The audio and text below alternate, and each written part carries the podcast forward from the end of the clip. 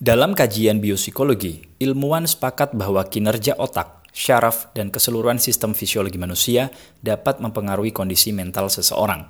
René Descartes, atau yang biasa disebut René Descartes, dalam sebuah argumennya mengatakan bahwa otak manusia adalah pusat terjadinya interaksi antara jiwa dan tubuh.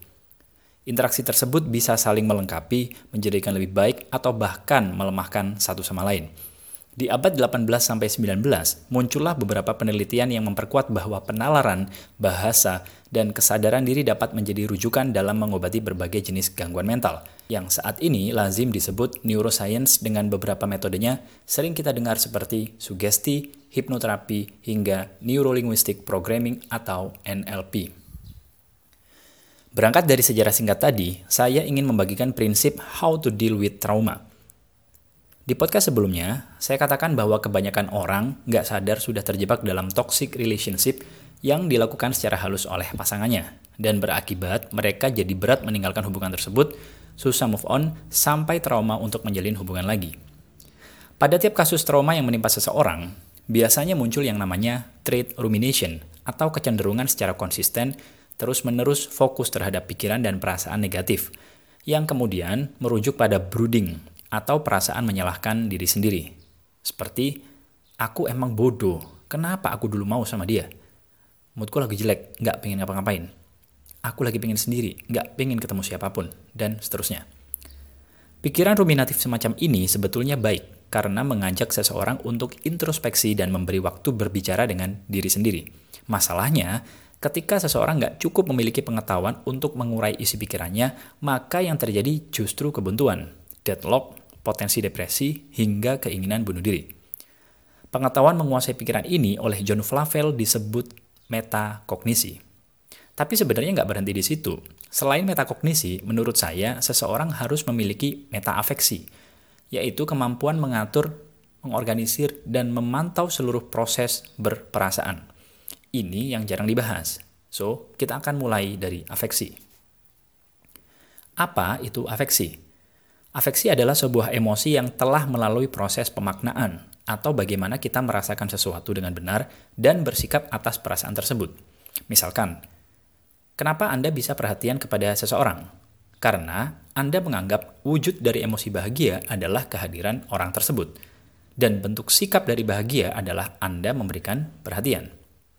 Meta afeksi mengajak Anda untuk mengidentifikasi dari mana munculnya perasaan bahagia itu. Gini deh, pada saat kita kecil, hujan-hujanan, lari-lari, sampai ilo-iloan bapak, kita bisa bahagia kan? Tapi kenapa pas udah gede, salah satu definisi bahagia adalah dengan cara memiliki pasangan. Nah, dari kondisi itu artinya kita belum tahu atau nggak punya konsistensi dalam memahami apa itu bahagia. Jadi, PR masing-masing kita adalah nyari tahu, sakjane yang disebut perasaan iku apa sih? Bahagia, sedih, iku apa? Apakah perasaan tersebut mewakili diri kita seutuhnya atau hanya aksesoris yang bisa kita atur keberadaannya dan kita bisa copot sewaktu-waktu? Jangan terus alay dikit-dikit bilang, bahagiaku kalau ada kamu, bahagiaku hidup bersamamu. Tapi pas ditanya, apa sih bahagiaku? Plegak, pleguk, koyak pedes ketulup. Intinya, mulai sekarang kita harus bisa merasakan sesuatu dengan benar, bukan ngikutin definisi yang diciptakan orang-orang. Saya lanjutkan. Metakognisi dan metaafeksi dalam perspektif Nusantara disebut sebagai kramadangsa. Ini yang sempat saya singgung di episode sebelumnya. Kramadangsa adalah rasa yang melekat pada nama seseorang. Bisa disebut juga sebagai selubung ego atau rasa keakuan atau rasa kepemilikan. Ilmu modern yang paling mendekati konsep kramadangsa ini adalah teori psikoanalisa Sigmund Freud dengan id, ego, dan superegonya. Ki Ageng Surya Mentara mengatakan bahwa sejak lahir manusia menjadi pencatat atas segala kejadian yang dialaminya, lalu berproses dengan informasi tersebut sepanjang hidupnya. Jika memaknai sesuatu dengan benar, maka orang tersebut akan menjadi manusia tanpa ciri atau manusia yang terbebas dari perasaan melekat. Seperti apa itu? Nanti saya jelaskan. Ada empat dimensi yang digambarkan oleh beliau. Dimensi pertama, seorang bayi mencatat segala hal yang dicerap panca inderanya, seperti mengenal benda dan orang di sekitarnya, tapi belum bisa memberikan makna. Dimensi kedua, seorang anak yang mulai tumbuh bisa memberi makna dari apa yang telah dicatatnya. ditanamkan, dan diperkuat dalam bawah sadarnya. Contoh, api itu panas, panas itu sakit. Jika kena api, maka tubuh merasa sakit. Jadi ketika suatu saat seseorang mendengar, awas ada api di belakangmu, maka secara spontan ia akan bergerak menjauh walaupun sebenarnya nggak ada api di belakangnya. Itu karena catatan tentang api sudah diperkuat sedemikian rupa dalam pikirannya, bahwa api itu panas dan kita harus menghindarinya. Dimensi ketiga, ketika sebuah rasa sudah melekat dengan diri seseorang dan dipercaya menjadi nilai dalam kehidupannya, terjadi saat seseorang beranjak dewasa. Ini yang sering disebut sebagai egoisme. Misalnya, Anda hidup bersama orang tua sejak kecil, maka Anda akan mengatakan, itu orang tuaku, walaupun Anda nggak tahu tuh, itu orang tua kandung atau bukan. Anda menjalin hubungan dengan seseorang, Anda katakan, itu pasanganku, padahal sejatinya dia bukan milik Anda secara fisik. Dimensi keempat, manusia dewasa, manusia tanpa ciri, manusia yang tidak terikat oleh perasaan apa pun, merasakan segala sesuatu dengan objektif, dipuji nggak terbang, dihina nggak tumbang. Manusia jenis ini nggak pernah berselisih dengan catatan dan rasa yang melekat dengan dirinya. Untuk memudahkan Anda memahami dimensi menurut Ki Ageng tadi, saya akan tunjukkan prinsip sugesti dalam membentuk manusia. Ketika seseorang menangkap sugesti, seseorang akan berperilaku sesuai apa yang didengarnya. Perilaku menjadi kebiasaan. Setelah kebiasaan menjadi kepercayaan. Kepercayaan membentuk karakter dan karakter menjadi nilai. Kita ambil contoh dimensi ketiga tadi tentang orang tua. Saat kita kecil, kita sering mendengar orang tua menyebut, "Kamu adalah anakku." Kalimat ini diulang terus-menerus sehingga menjadi kepercayaan hingga kita dewasa Itulah kenapa tanpa tes DNA sekalipun kita langsung yakin dan percaya bahwa yang di rumah adalah orang tua kandung kita. Kembali ke trauma.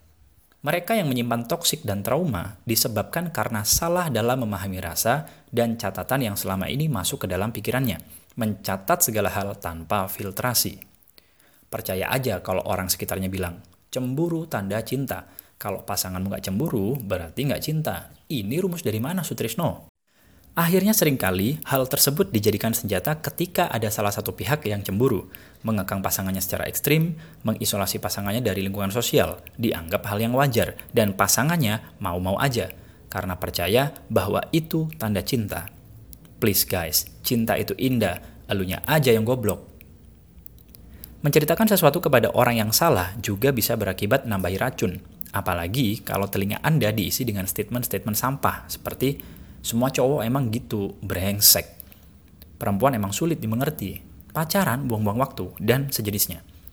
Jika kalimat-kalimat ini diulang terus-menerus, lalu Anda percaya, lama-lama akan berubah menjadi nilai yang Anda bawa seumur hidup.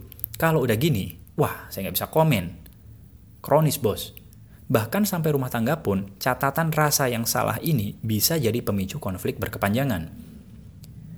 Menjadi manusia dimensi keempat artinya harus memahami rasa dan mencatatnya kembali dengan benar agar tidak sampai melekat dengan pemahaman tertentu yang bisa jadi salah. Selama ini, kita paham bahwa api itu panas dan dapat membakar tangan. Tapi kita nggak pernah berusaha membenci api dan mengubah sifatnya supaya dingin kan? Yang kita lakukan cukup memberi sikap tidak dengan sengaja mendekat dan menyentuh api. Catatan tentang api yang panas tetap dibiarkan, karena mungkin saja suatu saat kita akan membutuhkan api. Akhirnya kita bisa melihat api secara netral. Ngerti? Sama halnya dengan rasa trauma berhubungan. Kita nggak perlu berusaha mengubah apa pun yang sudah terjadi. Biarkan orangnya tetap ada, biarkan mantan pasangan Anda tetap ada, kita cukup memberi sikap tidak dengan sengaja menyentuh segala hal tentang kejadian itu. Nggak usah pakai acara stalking, apalagi update status biar dinotis.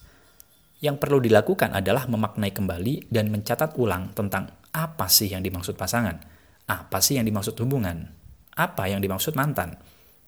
Catatan tentang mantan pasangan tetap dibiarkan ada, karena mungkin saja kelak kita akan membutuhkan dia sebagai sesama manusia, sama seperti catatan tentang api tadi. Anda sekarang tahu kan asal mula istilah tua itu pasti, dewasa itu pilihan. Manusia dewasa adalah manusia dimensi keempat yang berhasil memisahkan kemelekatan rasa dengan objek yang selama ini dicatatnya. Manusia dimensi keempat, manusia tanpa ciri, manusia yang bahagia tanpa syarat. Gimana langkah-langkah menuju ke sana? Kalau banyak yang nanya aja deh, saya bahas.